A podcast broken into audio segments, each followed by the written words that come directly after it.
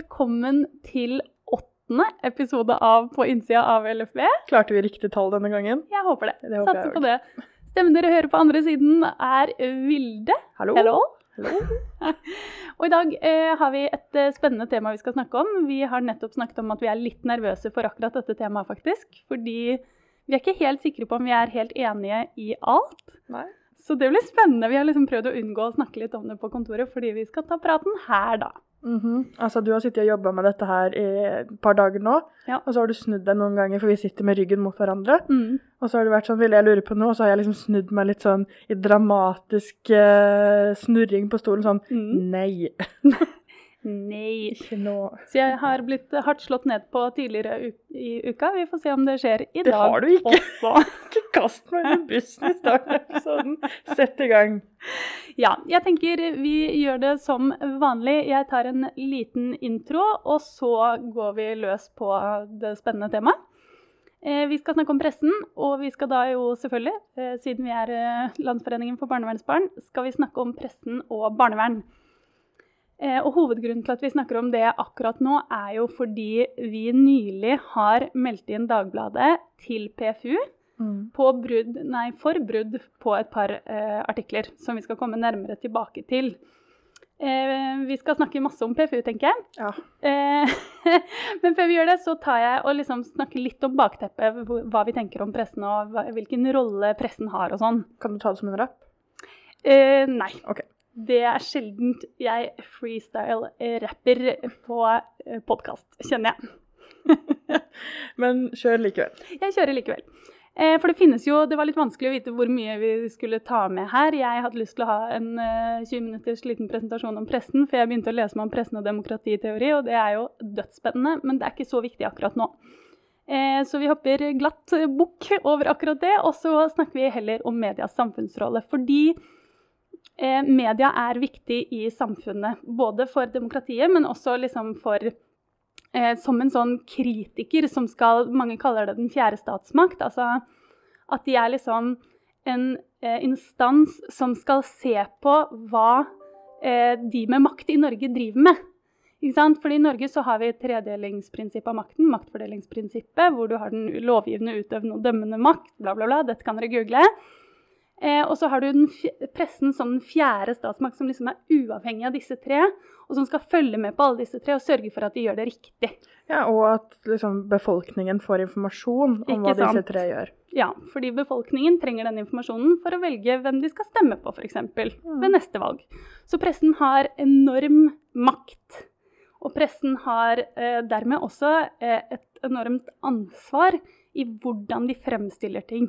Og det syns pressen selv også, for pressen følger jo på en måte kan man kalle det et sett regler, på en måte, eller prinsipper som er nedfelt i det som heter Vær varsom-plakaten. Den skal jeg ikke lese høyt for dere, men de definerer bl.a. sitt samfunnsmandat som at de skal eh, informere om det som skjer i samfunnet, og de skal avdekke kritikkverdige forhold. Eh, og det er jo på en måte de som er litt mest relevant for oss i dag, da. Mm. For det er jo det vi syns er vanskelig. Informasjon og å avdekke kritikkverdige forhold opp mot barnets beste. Ja, rettigheten til privatliv. Ikke sant? Alle disse tingene. Vi skal komme inn på det. Eh, men det jeg egentlig gjerne vil starte med å høre om, Vilde, det er jo hvorfor er mediedekningen så vanskelig når det kommer til barnevernssaker? Ja, altså jeg tipper at det spørsmålet kan deles opp i 100 forskjellige deler og besvares forskjellig fra veldig mange forskjellige aktører. Men fra vår side, da, fra barnevernsbarnet sin side, så er det vanskelig fordi Litt som du innledningsvis, innledningsvis sa, er jo at det er viktig at det kommer fram både hva som er rett og hva som er galt i samfunnet.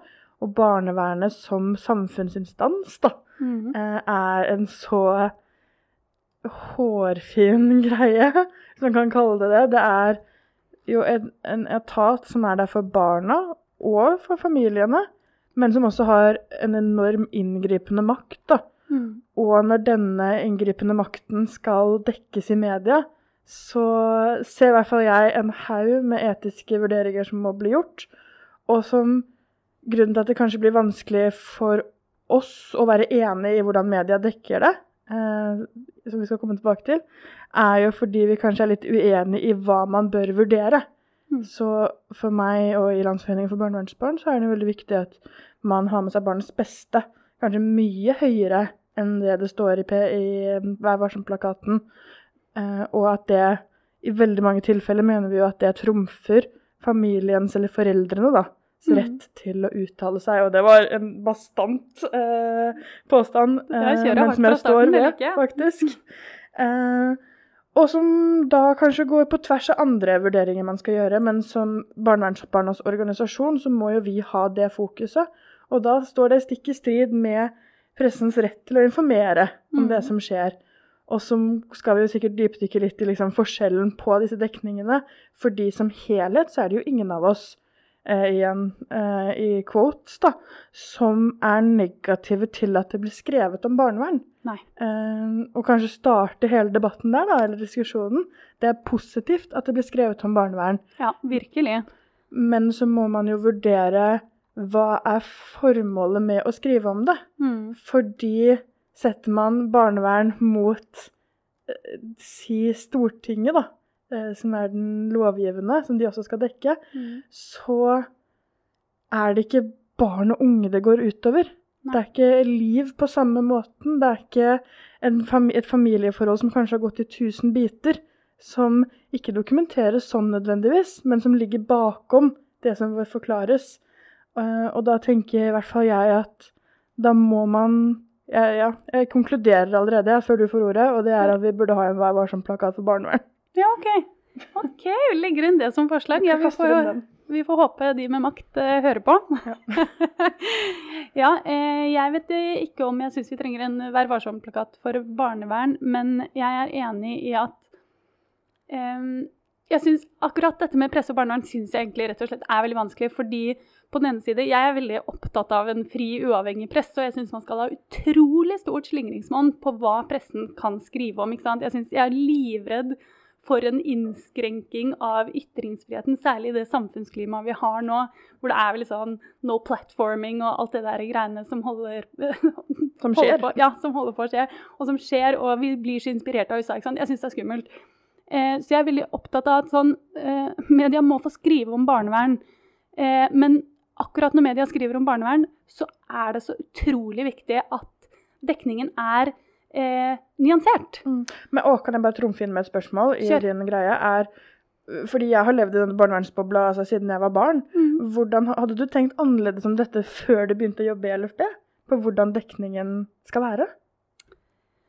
Og det er vanskelig å svare på, for jeg tror før jeg begynte å jobbe her, så tenkte jeg ikke så veldig mye på hvordan media dekket barnevern, Nei. rett og slett. Så jeg liksom har ikke gjort meg opp en mening om det, men det er jo naturlig å tenke at jeg hadde nok Det hadde jeg nok eh, tenkt annerledes om, fordi eh, vi må, når vi har denne podkasten og snakker om akkurat dette, så må vi også være bevisst at vi vi har bare dette hensynet vi skal bry oss om, som mm. er barna. Ja, ja, ja. Ikke sant? Så vi blir jo på en måte litt enspora jo, jo, vi blir I, vår, liksom, i våre meninger og i vår potensielle kritikk. ikke sant? Ja, ja, og der, der du og jeg kommer til å synes at vi er litt ikke uenige, men har mye å diskutere, er jo den jeg Og nå skyter jeg meg selv i leggen, da, men jeg ønsker jo i praksis en innskrenking av hva pressen kan skrive om, ja. versus du som ser det litt med samfunnsviterbrillene, da. Ja. ja. for jeg ønsker meg ikke en innskrenking i hva de kan skrive om, men jeg ønsker meg en innskrenking, kanskje, eller ikke en innskrenking, men jeg ønsker, ord, meg, ja, jeg ønsker meg eh, en litt sånn bredere debatt om hvordan akkurat barnevern dekkes i media, fordi jeg syns ikke den dekningen man noen ganger ser, ikke alltid, er nyansert nok. Mm. Jeg syns, fordi det er jo viktig at eh, altså, barnevernet er en sånn eh, De har så mye makt at det er utrolig viktig at media følger med på dem, mm. syns jeg. Vi trenger media for å avdekke om det gjøres både enkeltfeil og om det er systematiske feil. ikke sant? For det er ikke alltid det offentlige klarer å plukke opp sine egne feil, det vet vi jo. Ja, det har jo kommet fram flere ganger. Ja, så vi trenger Media er sykt viktig også for barnevernsbarna. Mm. Ikke sant? Media har en kjempeviktig rolle og en kjempefin mulighet til å gjøre barnevernet bedre for barnevernsbarna. Mm. Sånn at jeg, men jeg bare er så redd for at det kan være veldig lett for media å gå inn i en sånn helkritisk eh, dekning, mm. som jeg syns er veldig skummel. Fordi Hvis man bare kritiserer og kritiserer og kritiserer, så risikerer vi at man sier, hvis man f.eks. sier at ok, men her har barnet gjort feil igjen, barnevernet har gjort feil igjen og igjen og igjen, så sitter man jo da, befolkningen leser dette. Befolkningen er kanskje som jeg var før jeg begynte å jobbe her og brydde seg ikke så veldig om barnevern, og fikk bare det generelle inntrykk sånn OK, barnevernet de, er ikke så gode i jobben sin, de gjør ikke en så veldig god jobb. Og det man risikerer da, er jo for det første at de ansatte i barnevernet slutter. Fordi det er dritt å bare få kjeft for at du gjør feil hele tiden, og jobbe et sted hvor alle tenker at alle som jobber der, gjør en dårlig jobb. Mm. Vi risikerer jo også at mennesker som ser et barn som de tenker Oi, fuck, dette barnet har det ikke bra. Kanskje jeg burde sende inn en bekymringsmelding. Nei, det er ikke vits, fordi barnevernet gjør ikke jobben sin. Ikke sant? Og det vi, nå sier vi det igjen, og føler jeg vi sier det i hver episode, men problemet er jo at alle disse tingene rammer barna hardest. Mm. Ikke sant? Det er barna som er skadelidende av en helkritisk mediedekning av barnevernet. Og det, det er, er jo akkurat det, og det var jo det jeg var så vidt inn på, og som vi sikkert kommer inn på gjennom hele denne episoden, er jo det hva er målet med dekningen. Og jeg skjønner at vi, har, vi, ikke kan ha en presse som har som mål å gi barnevernet et godt omdømme. Mm -hmm. Men jeg syns fortsatt det bør være en grunnleggende tanke hos journalister i de norske store mediene mm. at barnevernet, de skal vi se om gjør jobben sin. Vi skal mm. følge de og gjøre dette, eh, gjøre dette, barnevernet til noe bra for barna og familiene deres. Mm. Men vi bør ha en grunntanke om at det er en viktig etat i samfunnet. Mm. Og at det er noe vi skal forbedre, mm. ikke noe man bare skal svartmale. Det er akkurat det, og jeg savner jo en litt mer sånn eh, en litt mer realistisk eh, framstilling av barnevernet. Fordi ja da, herregud, det er jo ikke snakk om altså, Det er jo ikke som om vi er eh, en organisasjon som tenker at barnevernet alltid gjør alt riktig. Altså det Da hadde vi ikke trengtes, tenker jeg. Nei, det er det. Man har jo hørt, kanskje hørt tidligere episoder hos oss. Hvis ikke gjør det, hint hint. Anbefales. Men eh, da merker man jo at vi, er, vi, er kritiske til mye barnevernet gjør også, men hos oss ligger det jo en grunnlinje om at sånn, barnevernet er viktig, vi trenger å ha det. Og det er jævlig mye godt arbeid som gjøres i mm. barnevernet. Altså, det er så mange barn som får livene sine både reddet og forbedret pga. det barnevernet vi har i dag. Det kommer ikke helt tydelig fram i mange dekninger av sakene, da. Absolutt. Og så er det bare å få inn den presiseringen her før vi kanskje går videre til neste spørsmål, er jo at vi ønsker ikke eh, et medie eller et media eller et ja, presse, en presse takk, mm. som kun dekker de positive sakene heller. Nei, nei. Jeg forventer jo absolutt ikke at i morgen så har NRK, VG og Dagbladet åtte saker om hvor bra gikk det med Kari, barnevernsbarnet fra Lofoten. Eh, det er heller ikke intensjonen her. Intensjonen er jo å finne en sånn balansegang på hvordan utøver pressen den makten de har, eller den, den samfunnsrollen de har, og ivaretar den makten de har. Mm. Um, I tråd med alle uh, instanser sine syn på hva som er viktig, da. Akkurat det. Å, herregud. Ja, det er jo, og vi innrømmer gladelig at vi også syns dette er dritvanskelig. Ja.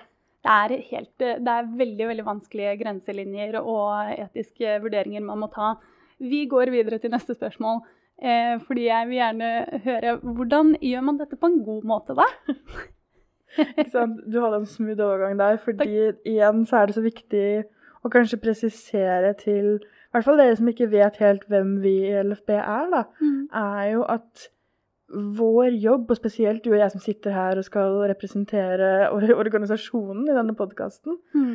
er jo å snakke barna sin sak. Mm. Og egentlig bare det. Det er de som er medlemmer i vår organisasjon. Og så har man andre meninger enn bare det å være barnet. Mm. Men det er først og fremst det som er grunnmuren i tankene og tilbakemeldingene vi gir. Ja. Og hva som er godt pressearbeid, vil jo da påvirke Eller vårt svar vil jo da påvirkes av den grunnmuren vi har, som er barnets perspektiv. Mm. Og jeg skal ikke være den bastante personen i LFB som er sånn når jeg syns ingen barnevernsbarn burde snakke til media noensinne.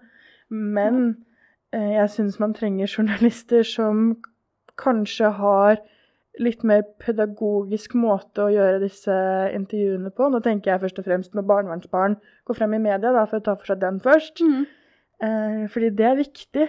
Jeg tror jeg hadde følt meg mye mindre aleine på barnevernsinstitusjon og i barnevernet hvis det hadde vært mer snakk om det. Og snakk om det er jo noe, et av ansvarene til pressen. Det er der man får den informasjonen. Mm. Det var det ikke så mye da jeg var ung, og det er det mer av nå. Så kan man snakke om det er bra eller ikke. Men grunnleggende litt mer pedagogikk i hvordan jeg vet ikke, En av de første liksom, tilbakemeldingene jeg fikk da jeg ble med i LFB, var sånn ja, 'Du har vært mye i media, du.' Uh, jeg kan ikke ta hele den greia nå, men jeg hadde en del artikler. Jeg var i en del intervjuer før jeg ble LFB-Vilde, hvor jeg bare liksom fronta min sak. Og det alle i LFB var veldig opptatt av, var en sånn Men passer du på deg selv i dette her? Mm. Passer du på, eller er det noen rundt deg som passer på at du har grenser på det du forteller om. Ikke at du ikke skal få lov å fortelle om det, men det du sier, skal du også være sikker på at du står inne for å ha fortalt til samfunnet om 10-20-30 år. Og det var en sånn en refleksjon da, som jeg ikke hadde hatt noen rundt meg som hadde gitt meg, mm. og som pressen selv ikke hadde liksom i det hele tatt nevnt på noen som helst måte. Og jeg sier ikke at de som intervjuet meg, var hekser og forferdelige mennesker. Absolutt ikke. Men jeg tenker at når man skal få fram dette perspektivet som er da voksne, da, for jeg var jo over 18, det er ikke det det går på, mm. men et barns forhistorie, så er det så viktig å være en jeg vil tørre å si pedagogisk journalist, da, mm. som tør å vurdere det. Ikke nødvendigvis i samtalen, men etterpå. Hva kan vi skrive av dette her? Mm. Hva kan vi stå inne for hvis dette mennesket en gang ikke har det så bra. Mm. Og hva kan dette, den ungdommen, unge voksne, selv stå inne for, da? Akkurat det. Å, fy fader. Ja. Ikke sant? Fordi jeg er jo veldig enig i at man eh, at, Og jeg er enig med LFP her, at man skal være At det er viktig å i hvert fall være bevisst på at det du sier til pressen, det eh, kan googles om ti år, mm. på en måte. Eh, og at det kan være lurt å i hvert fall ha tenkt gjennom at eh, hvis du om ti år ønsker å ikke bli forbundet med din fortid, at det da kanskje ikke er så lurt å utlevere hele sin historie da, til, eh, til hele befolkningen i Norge. Du får jo mm. da tilgang på den, på en måte. Så man, det vi har snakket mye om, er sånn Vil du at når du søker jobb, at de googler navnet ditt og finner hele liksom, din barndomshistorie. Hvis du vil det, så gønn på. Mm. Men jeg syns jo også det er så vanskelig sant, å legge det ansvaret over på journalisten. Jeg mener at journalister skal ha et eh, ansvar, og det har de også, Absolutt. for hva de publiserer. De skal vise omtanke, de skal være forsiktige med hva de gjør, og hva de publiserer av barn og sånne ting. Men si du er nylig blitt 18, pestlei av barnevernet, jeg har lyst til å si din sak til media, for du mener at eh, barnevernet har driti seg ut på alt, liksom. Mm. Og bare er sånn Fuck dette, dette må folk få vite om. Da syns jeg det blir så vanskelig da, å si at uh, den enkelte journalist eller den enkelte redaktør eller avis eller nyhetsmedium skal ta ansvaret for ditt samtykke. Fordi det man risikerer da, er jo også å, si til, altså, å innskrenke ytringsfriheten til, til denne ungdommen som eh, sitter på andre siden. Og det er så vanskelig Tenk hvis denne ungdommen eh, syns det er helt greit om ti år. Da. Det er helt umulig å forutse. Så jeg syns akkurat den der er veldig vanskelig. Absolutt, absolutt. Og ja, jeg er enig og litt uenig, men så er det den derre Da havner man tilbake igjen sånn OK, men hva slags saker skal man faktisk skrive? Mm. Fordi det er vel det som er intensjonen i det jeg prøver å komme fram til også, er jo at jeg tror det er veldig, veldig fint det, for mange 18-åringer, 19-åringer, 20-åringer, 35-åringer mm. å få snakke med media og få delt en del av sin historie. Jeg holder jo absolutt ikke skjul på at jeg bodde på barnevernsinstitusjon. Det er en av liksom, bitene i min historie. Jeg har valgt at det er helt er OK. Det kan samfunnet få vite. Mm. Det står jeg, står jeg, fint i, og stå, vet jo aldri om ti år, men jeg tror jeg skal stå greit i akkurat det. Mm. Og da kan det jo hende at jeg har lyst til å gå til eh, NRK da, og fortelle om hvordan det er å være barn på institusjon. Men jeg singler ut den opplevelsen. Mm. Og så kan det hende jeg forteller mye rart inni den opplevelsen, absolutt, som jeg i LFB ikke er helt enig i at dette barnevernsbarnet gjorde. Men jeg har ikke gått i et dybdeintervju i Se og Hør, da, for å ta et eksempel. Mm. Og liksom eh, seks år, sju år, åtte år, hele historien er der. Det er litt det som er i hvert fall det jeg problematiserer litt, er jo mm. det. Mm. Forskjellen på liksom hele historien, som da er kun fra ett perspektiv, og biter av historien som du syns skal komme fram. Ja. Fordi det har jeg ikke noe problem med. Nei. Og der tenker jeg at journalisten har et ansvar på å se hva er det samfunnet får informasjon av om på riktig måte, i riktig sak og riktig vei. Og ja. Enig, for det er jo, ja, det, er jo det. Fordi jeg er jo helt enig i at det finnes måter å dele hva man har opplevd på, eh, som er bedre, eh, i hermetegn, eh, enn andre. Og jeg tenker jo Jeg tror ikke befolkningen eh, har behov for en historie som går i detalj på jeg gikk inn den døra, jeg så pappa slå mamma, altså, og enda grovere enn det. Det var en pøl av blod, ikke sant, som mm. vi snakker om. Det, akkurat så detaljert informasjon trenger ikke befolkningen.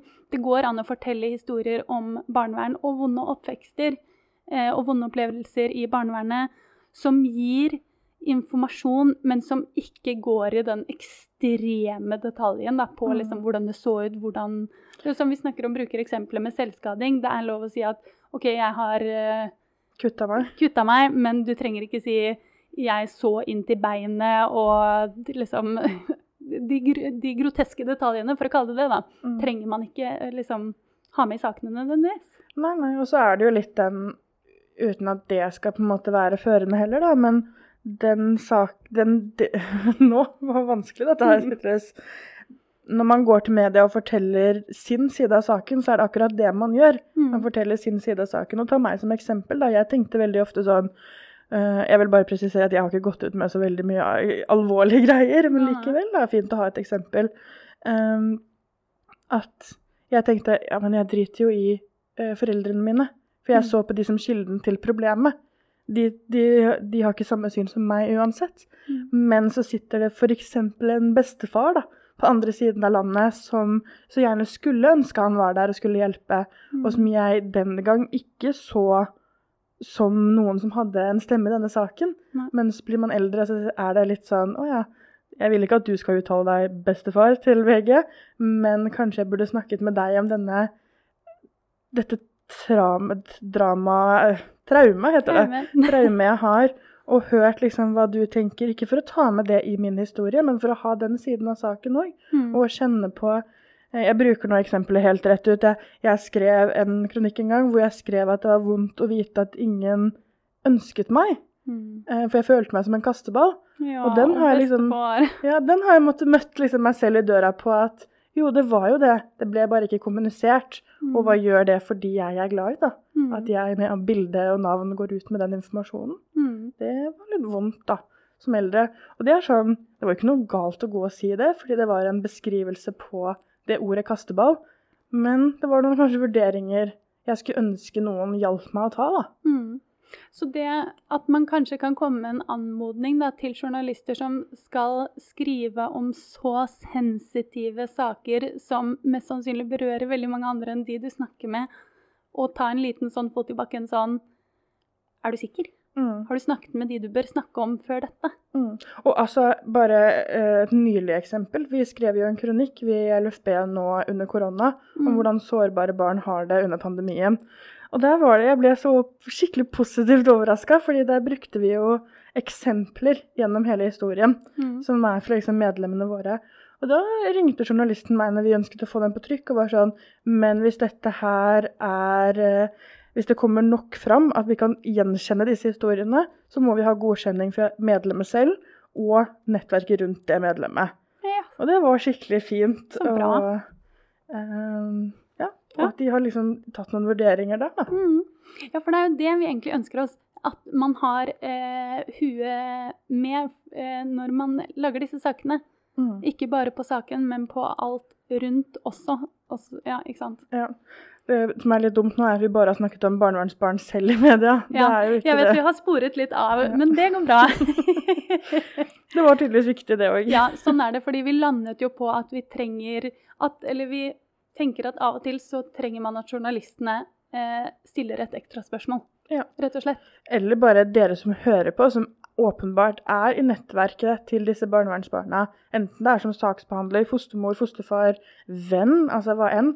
Still de spørsmålene dere òg, da. Mm. Ikke bare har du tenkt gjennom dette, for da får du en fuck i fra en 18-åring som er klar for å fortelle om alt det groteske han har opplevd. Mm. Men vis litt omtanke, og kanskje hør historien Et sånn råd fra meg til alle barnevernsbarn er jo ikke fortell historien din for første gang til media. Nei. Fortell den til noen andre først. Så kan du vurdere det. Mm. Fint råd. Da går vi videre, og jeg tror faktisk vi beveger oss inn i dette med caser. Mm.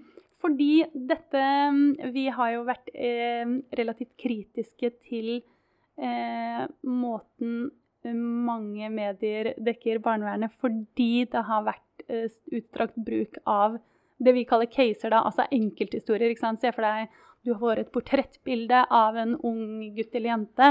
Så får du historien deres under, og så skal den historien på en måte fortelle noe om barnevernet som det er. Hvorfor er vi så kritiske til akkurat det, da? Jeg er nok blitt mer kritisk, og vi har nok blitt mer kritiske i LFB etter at vi ble forespurt så mange ganger om denne casen. Fordi Altså, og nå er det sikkert nå er det en liten prosent av disse journalistene eh, som er viktig å presisere igjen, men hvor de ringer meg, som eh, er presseansvarlig i LFB, og så er det Vi skal skrive et, eh, en artikkel om enetiltak. Og så skal eh, Kjell Ingolf Ropstad, barneministeren, han skal uttale seg om dette. Og vi har fått en barnevernleder som skal uttale seg om hvorfor det er riktig å plassere barn der. Og så ønsker vi at dere barnevernsorganisasjonen, eller barnevernsbarnorganisasjonen, dere kan gjerne finne et medlem mellom 14 til 17 år som har opplevd X, Y og Z, eh, og som er villig til å stille opp med bilde og fortelle sin historie. Mm. Eh, som organisasjon så føles det jo litt som en sånn Å ja, så vår kunnskap um, som vi har felles, er ikke noe dere har lyst på. Uh, og som barnevernsbarn selv, da, så blir det sånn Å ja, dere bare dere skulle hatt en gule sider hvor dere kunne skrevet dette opp og fått opp åtte bilder av disse og plukket ut den som var mest fotogen. Det føles litt ekkelt, kanskje, at min historie skal få lov til å bli brukt på den måten. Ja, fordi brukt uh, Ja, det er jo det det er, er uh, i hvert fall oppleves som, da. Mm. Og her er det liksom igjen en sånn litt hårfin linje, fordi hadde man bare vridd dette spørsmålet til en sånn har dere noen som har bodd i enetiltak, for å bruke det eksempelet igjen? Mm. Fordi jeg skjønner den egenerfaring-biten også. Ja, Den er viktig. Som har noen tanker om det. Um, og så kan vi være negative til det også, absolutt, for vi har våre retningslinjer å forholde oss til. Mm. Men det er den derre forskjellen på å etterspørre kunnskap og bruke historien. Mm. Um, den er stor, da, syns jeg. Mm. Er du hva tenker ja, du? Jeg, jeg, du bare ble så stille. jo, jeg er enig i at det er eh, forskjell på det. Eh, og selv om min eh, faste seing er at anekdotisk bevis er ikke bevis, så skjønner jeg på en måte at man vil ha en illustrasjon. Eh, for det er jo det det på en måte blir brukt litt som. da, sånn eh, jeg ser for meg særlig enetiltak. At man kan tenke litt sånn OK, ikke, folk vet ikke helt hva enetiltak er. Det er litt sånn vanskelig å beskrive for at man skal få et ordentlig godt bilde av det. Eh, da er det veldig fint med en historie som forteller sånn Da jeg var på enetiltak, var det sånn og sånn. Gjorde, altså at du får noen sånne situasjoner du kan knytte til det, sånn at du får et mer realistisk bilde av hva enetiltaket er, og hvordan det oppleves. Mm. Eh, ja. Problemet Jeg bare tar over til ja, du har fått samla hjernen. Problemet i stor grad med bruken av case i dag, slik jeg ser det, og det er veldig viktig med den understrekingen på jeg, er jo at Si vi bruker deg som case, da, Kari, fordi mm. det er ikke så nært. Gjør det. og eh, du har blitt forespurt fordi du er 16 år, bor på 424, altså tvangsplassering i barnevernet, og de ønsker å høre eh, hvorfor du rømmer så mye fra institusjonen. Ja. Ikke hvorfor det er en problematikk, for den skal fagfolka få lov til å ta seg av. Du skal mm. bare fortelle, bli brukt. Og så er overskriften på denne saken Problembarnet Kari stikker av fra institusjonen 18 ganger i måneden. Altså Ingressen er 'Mari Tromald er bekymret for barnevernet på Sørlandet. Mm. Det, vi kan ikke gå inn i en helt sånn overskriftdebatt, Nei. men jeg syns det er rart hvis man ikke klarer å i hvert fall til en viss grad se at det fort kan oppleves som å bli brukt. da. Mm. At det kan godt hende du rømmer 18 ganger fra den institusjonen, Um, og at det er jo klikk. Det genererer jo klikk, som er viktig, absolutt, men den debatten får noen andre ta, ikke vi. Um, men problembarnet Kari skal søke jobb en dag. Problembarnet Si du 18, da, så slipper vi alle de etiske greiene. Ja. Um, skal søke jobb en dag. Du skal leve med den historien. At jeg syns absolutt du skal få lov, og pressen skal kunne etterspørre din informasjon, for den er så viktig, eller informasjon, din historie. Mm. Men det handler om hvordan man bruker den, da. Mm. Og kan man ikke da fremstille deg som en like stor kunnskapsleverandør som barneministeren og Mari Trommald, som er sjef i Bufdir. Mm. Eh, for det opplever i hvert fall ikke jeg at helt er sånn det fremstilles i disse casesakene, da. Nei. At ja da, vi kan ikke fjerne case. Vi kommer ikke til å stille med det fra LFB sin side, i hvert fall ikke så lenge jeg er her. Men da har over. Ja, jeg kan uh, ta over over til noe litt annet. Jeg tenker at Eh, jeg samlet tankene litt, og jeg tror mitt problem når jeg leser caser i media ofte i dag, er eh, hvis man eh, tar en ta enetiltak. Mm. Eh, så får man jo ofte mer enn én case. ikke sant? Man får 'dette gjorde Vilde', 'dette gjorde Kari', og et spørsmål jeg savner ofte, er jo men hvorfor var det sånn at du følte at du måtte rømme? Hva var det ved systemet som gjorde at du ikke hadde det fint? For det er jo den informasjonen som er viktig i historien. Mm. Den er jo kjempeviktig, for det er den informasjonen vi kan bruke til å gjøre det bedre. Eh, og i tillegg så føler jeg at det er så ofte, mange ganger, noen ganger, samlet eh, caser som alle sier det samme. Mm. Enetiltak var dritt. Barnevernet suger. At du får ikke den nyanseringen. Jeg savner også de casene som var, er sånn Nei, for meg var enetiltak helt konge, ass. Ja. Det var det jeg trengte, liksom. Det var, det var, kanskje ikke fett, men det var veldig nyttig for meg. Og så savner jeg bare en sånn en liten vurdering da, fra pressens side, for dette er ikke en sånn 'dette må dere endre på nå'. Eh, men en sånn Må vi fremstille det som casen som dette, den ungdommen? Kan vi ikke liksom tone det litt ned og Kanskje man ikke skal bruke det dramatiske bildet der hvor de står med armene i kryss utenfor institusjonen. Mm. Eh, jeg skal ikke nekte dere å bruke bildet, fordi det kan også være stas å få lov til å fortelle sin historie, mm. og en viktig del av egen prosess. Men ja, ikke sant, framstillingen. Ja, sensasjonaliseringen. Ja. Tenk på det, vi er ikke sirkusbarn da, som Nei. skal frem og vises frem som 'Å, se på disse'. Uh. Du kan ikke bestille erfaringene, på en måte? Nei. Åh, ikke bestill erfaringen vår, takk. Nei. Neste. Vi går videre. Shit, dette er vanskelig. Vi har begge hatt sånne Jeg må stoppe midt i, for jeg vet ikke hvor jeg vil. Det er veldig gøy. Så kan hende det er litt klipping i denne podkasten, og det er vi ikke helt vant til. ja, men det er kult. Det er bra. Eh, jeg vil over til PFU, jeg. Ja. Mm. Eh, vi har Hva er PFU? ja. Det er eh, Pressens faglige utvalg. Det er dit man kan De har sikkert mange andre ting de gjør også, men det er dit man kan si fra hvis man syns at pressen gjør noe feil i forhold til det regelverket de har, som er Vær varsom-plakaten. Vi har meldt inn Dagbladet til PFU for brudd på to av punktene i Vær varsom-plakaten. Jeg skal lese opp de nå, bare sånn at man har det klart for seg. Vi har da meldt inn Dagbladet for brudd på punkt 1-2, hvor det står Pressen ivaretar viktige oppgaver som informasjon, debatt og samfunnskritikk. Pressen har et spesielt ansvar for at ulike syn kommer til uttrykk. Og I tillegg så vi, mener vi at de har brutt eh, paragraf 4-8, hvor det står når barn omtales, er det god presseskikk å ta hensyn til hvilke konsekvenser medieomtalen kan få for barnet. Dette gjelder også når foresatte har gitt sitt samtykke til eksponering. Barns identitet skal som hovedregel ikke røpes i familietvister, barnevernssaker eller rettssaker. Vil du ta oss gjennom eh, litt med hva er det vi har klaga på? Ja, jeg kan prøve. Det som er førende i klagen vår, er jo det punkt 4.8, som er den hvordan man omtaler barn da, i media.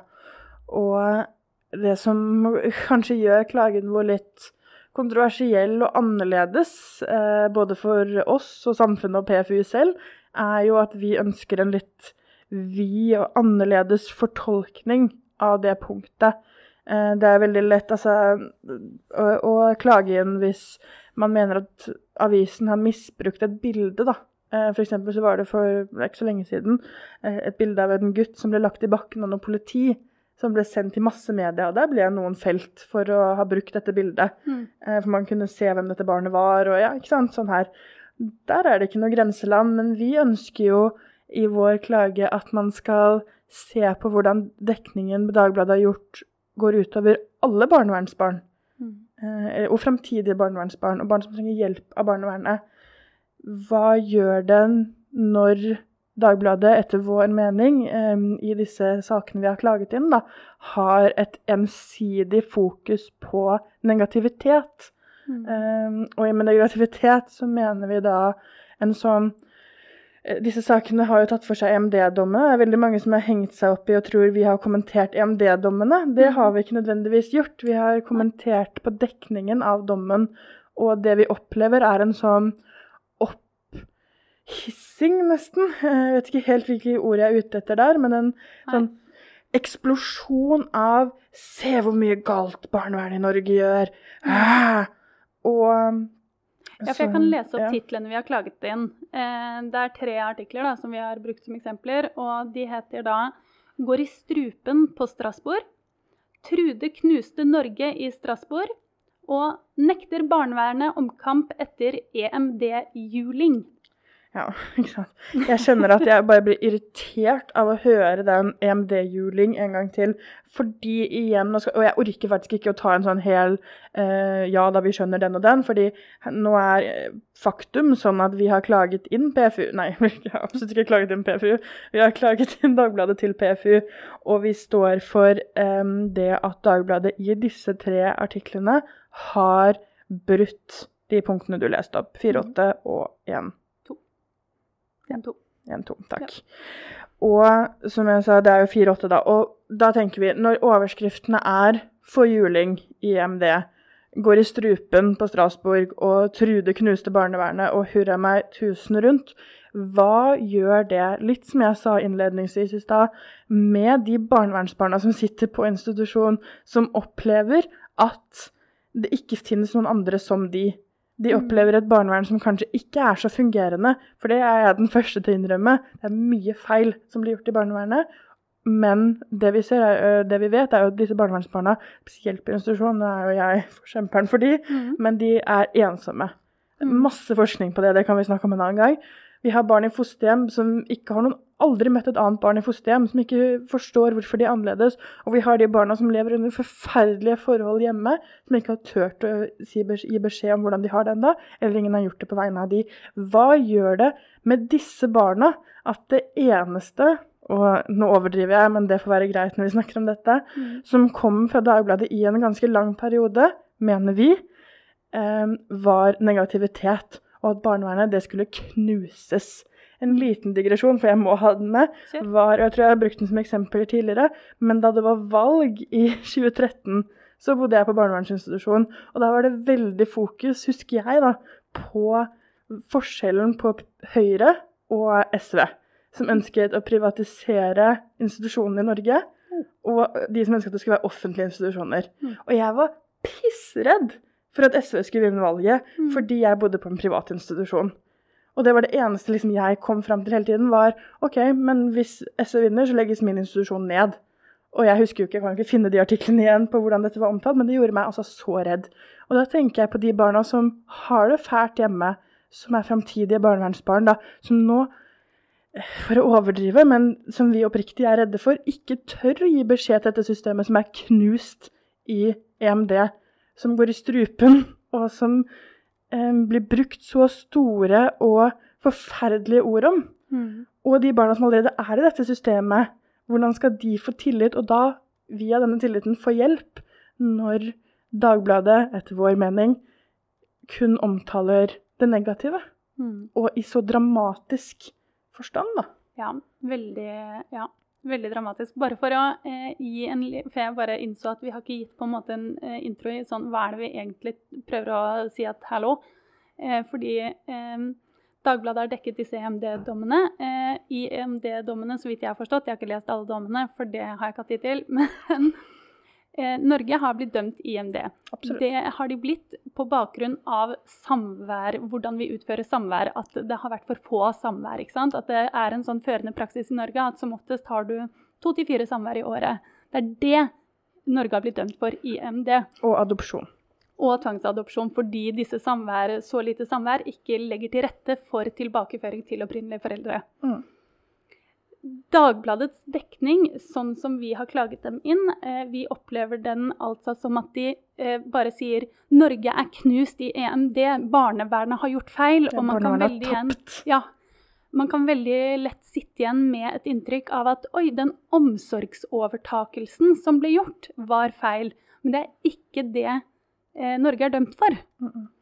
Eh, sånn at Det er jo også en av hovedtingene vi klager dem inn på. At de, de, snakker veldig mye og veldig høyt og rasler med sablene når det kommer til disse her EMD-dommene, men så gir de ikke befolkningen den faktiske informasjonen som befolkningen trenger for å skjønne eh, dommene. Og så er det nå skal ikke, Jeg skulle jo gjerne ønske i ettertid, og det, jeg gir meg tillatelse til å si det, at vi kanskje hadde klaget inn på punkt 4.4 også, som er sørge for at overskrifter, henvisninger, ingresser og inn- og utannonseringer ikke går lenger enn det er dekning for i stoffet.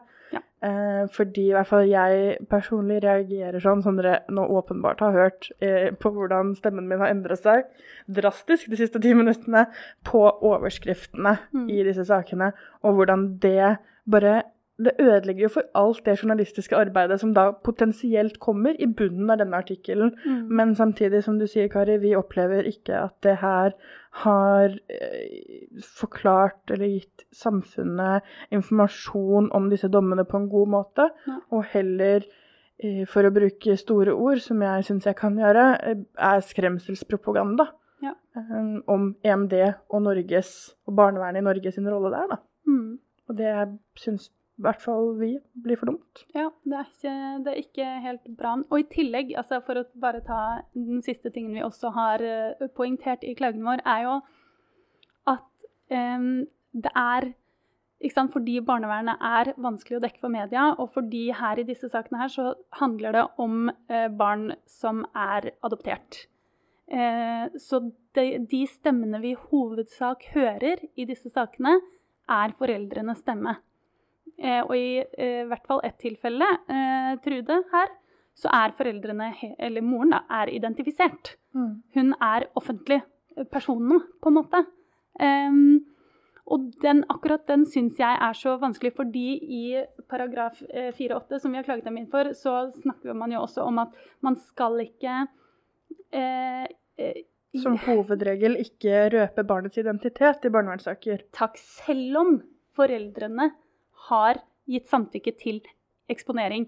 Og da lurer jeg på, da kommer det et spørsmål som jeg ikke har noe godt svar på, for jeg syns det er dødsvanskelig. Men jeg lurer på da eh, I denne saken eh, med denne moren, så vet alle hvem denne moren er. Vi vet fornavn og etternavn. Og vi vet at eh, denne moren har en sønn, fordi det står 'han' i alle sakene. Eh, Sønnen, sin, sønnen, er ikke uh, intervjuet i noen av mediesakene. Det syns jeg er helt riktig valg mm. for, for, øvrig. Jeg mener ikke at hans stemme alene skulle kommet inn. Eh, men hvor Altså, er ikke han da identifisert, er det jeg lurer på. Legger man ikke da ansvaret på denne gutten eh, til å si at ok, hvis du ikke vil bli identifisert som sønnen til Trude, så er det ditt ansvar å ikke si til noen at du er sønnen til Trude. Mm. Fordi alle vet hvem Trude er nå. Og da lurer jeg på, er det Jeg vet ikke hva jeg syns, men jeg lurer på om det er cool på en måte av barnevernet å si sånn OK, har, nei, av media å si sånn Nei, men vi har ikke sagt hans navn. Så er det sånn nei. Og han har sikkert byttet etternavn fordi han er jo adoptert. Men, men likevel. Han kan jo ikke da snakke med noen om moren sin uten at alle vet hans historie. Mm.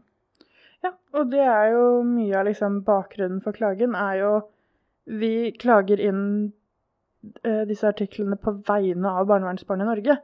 Ja. Uh, uten at vi skal si om det er på vegne av uh, sønner eller døtre til disse foreldrene, for det har ikke vi noe med eller ikke. Men på vegne av de som kanskje får sin identitet røpt i media uh, uten å ville det selv, uten at det kanskje er intensjonen. Mm. Uh, og Trude Lobben er jo ett eksempel, men så har man de små lokalavisene mm. som også skriver, og hvor foreldrene fremstilles med bilde og navn og hele pakka, hvor barna ikke er adoptert. Nå sier jeg en gang, men det er ikke mm. det jeg mener. Hvor det bor 1000 innbyggere der, da. Alle vet det dagen etterpå, hvis det står i media. Det er litt det. Så det er akkurat det med å identifisere barnet. Jeg lurer på hvordan Hvor går grensa, da? Ja, hvordan tolker man den? Fordi mm. når er et barn identifisert? Jeg vil jo si at sånn Når pappa er identifisert i media, så er automatisk jeg det også. Mm. Eh, det er ikke så vanskelig å finne meg da, Nei. på en måte. Og det er jo denne vi er så opptatt av, og det sa vi så vidt i tilsvaret, fordi det, jeg orker ikke ta hele prosessen, man har muligheten til å gi et tilsvar, eh, er jo at vi ikke kan forstå hvorfor Dagbladet, jeg bruker de ordene vi skrev, jeg, mm. har fratatt barn, disse barnas rett til å ha sin egen historie. Mm. Fordi historien til Trude sin sønn da, er jo fortalt nå fra Trude sin side. Mm. Eh, og da, som du sier da, Kari, for å bruke enkle ord, er det cool? Ja. Og hvor er barnets rett til privatliv der? Mm. Lurer jeg også på. Det er jo en veldig kort oppsummering om det, og så må vi jo bare følge prosessen. Det er jo, som jeg sa i starten, noe nytt å ønske en så vid fortolkning. Eh, men jeg håper og tror, og det er jo også litt meningen fra styret sin side, så vidt jeg har skjønt, er jo å, bare få det opp på agendaen og løfte denne problematikken og se Kan vi i hvert fall få til en en liten samtale på tvers av media, barnevern, etikk, jurist Altså alt. For å bare identifisere denne problematikken, og så kanskje finne noen, noen løsninger da, på noe. Mm. Og så følte vi ikke at vi fikk det i denne saken, så altså, disse to-tre artiklene er jo klaget inn uansett og går sin gang i PFU, og vi får forhåpentligvis et svar i oktober. Mm. Gleder meg til den episoden, jeg, hvor man skal liksom vurdere hele den greia der. Mm. Eh, men det er jo sånn ståa er nå, og målet igjen var jo aldri å på en måte kaste noen under bussen eller mene, som mange kanskje har trodd, at EMD-dommene var feil, eh, eller noe sånt. Nei. Her var det først og fremst denne dekningen, og da er dette greit? Spørsmålstegn. Hilsen barnevernsbarna. Ja, og hvor går For det, det jeg er veldig nysgjerrig på, det jeg skulle ønske meg vi fant, fikk en debatt på, er hvor går grensen mellom hva som er av offentlighetens interesse, hva media har av informasjonsplikt, og barnets rett til privatliv og barnets beste. Mm. Hvordan finner man Fordi igjen, vi mener at media må, og pressen må dekke barnevernssaker. Og vi mener at barnevernsbarn skal ha lov til å fortelle sin historie. Eh, og foreldre må også ha lov å fortelle sin historie på en eller annen måte. Men vi lurer på hvordan kan man gjøre det på en god måte. Og jeg tror ikke vi har fasiten, men vi mener i hvert fall at den måten det blir gjort på, akkurat i de sakene vi har meldt inn til PFU, det er nok ikke riktig måte å gjøre det på. Og med det så er det liksom PFU som har eh, muligheten til å vurdere det og ikke. Og så inviterer jo vi til mer debatt om det i ja, fremtidige gjerne. saker. Og vi vil gjerne bli utfordret på det også, fordi det er så vanskelig. Og vi mm. må eh, sammen tenke de store, vanskelige tankene. Fordi vi som interesseorganisasjon kan ikke være de eneste som legger eh, retningslinjene der heller. Absolutt ikke. Det går ikke. Uff, jeg tror vi er ferdig med PFU. Ja. ja, jeg tror vi er eh, ferdig med det hele, rett og slett. For da har vi snakka så munnen er tørr. Mm. Men uh, har du noen siste oppsummerende ord du har lyst til å si om pressen og barnevern? Jeg tenker det, Vi har oppsummert det godt gjennom hele episoden, men ja. kort og konsist til pressen, da. Tenk dere om. Til, mm. til de rundt barnevernsbarn. Vis omtanke. Og til barnevernsbarna selv, tenk to ganger. Så fint. Eh, jeg syns det var eh, godt oppsummert, jeg. Ja. Jeg eh, legger ikke til noe. Hva er ukas hjertesukk for deg, Vilde? det går så fort over til det. Jeg vet, den har den overgangen. Nå, denne episoden skal faktisk ikke publiseres før om en uke eller to, så jeg kan bruke dette som hjertesukk. Jeg, Julie, i administrasjonen vår har, når denne episoden blitt lagt ut, sluttet. Mm. Eh, som er fryktelig trist. Og ja, orker ikke å snakke mye om det. Men mitt hjertesukk er at Kari og jeg har jobbet veldig hardt denne uka med å lage en musikkvideo til sangen 'Hjalmar' av Trond-Viggo Torgersen. Som da betyr at jeg har vært på jobb eh, rundt klokken sju hver dag om morgenen denne yep. uken fordi vi må spille inn dette før Julie kommer på jobb. Så vi har da løpt rundt i gangene her med en diskohøyttaler, mikrofon med lyset av og liksom diskolys halv åtte om morgenen. Det har vært litt tøft, veldig gøy. Ja, det er tidlig for disko. Det er tidlig for disko, Ja. men eh, jeg tror det blir bra til slutt. Det blir i hvert fall uansett veldig gøy. Hva er ditt hjertesukk, Kari? Em, mitt hjertesukk denne uken Å, shit, det har jeg ikke tenkt på. Mitt hjertesukk denne uken er at jeg skal være litt borte fra jobb den siste uken til jule, og det syns jeg er kjipt. Ja. Jeg vil se henne mest mulig før hun drar. Før hun drar. Før hun stikker. Da skal jeg aldri snakke med henne igjen. uh, OK. Og med det, så takk for praten. Takk for praten. Neste episode kommer ut om to uker. Det blir spennende. Da får vi storfint besøk av eh, en mann som heter Mathias, som jobber i, på i Barneombudets kontor. Det blir heftig. Da skal vi snakke om barnets beste. Hvis dere har noen spørsmål dere har lyst til at vi skal ha med i den episoden, så send det til meg på kari at barnevernsbarna.no. Jeg vil gjerne høre det. Vi snakkes. Vi snakkes! Ha det. Ciao!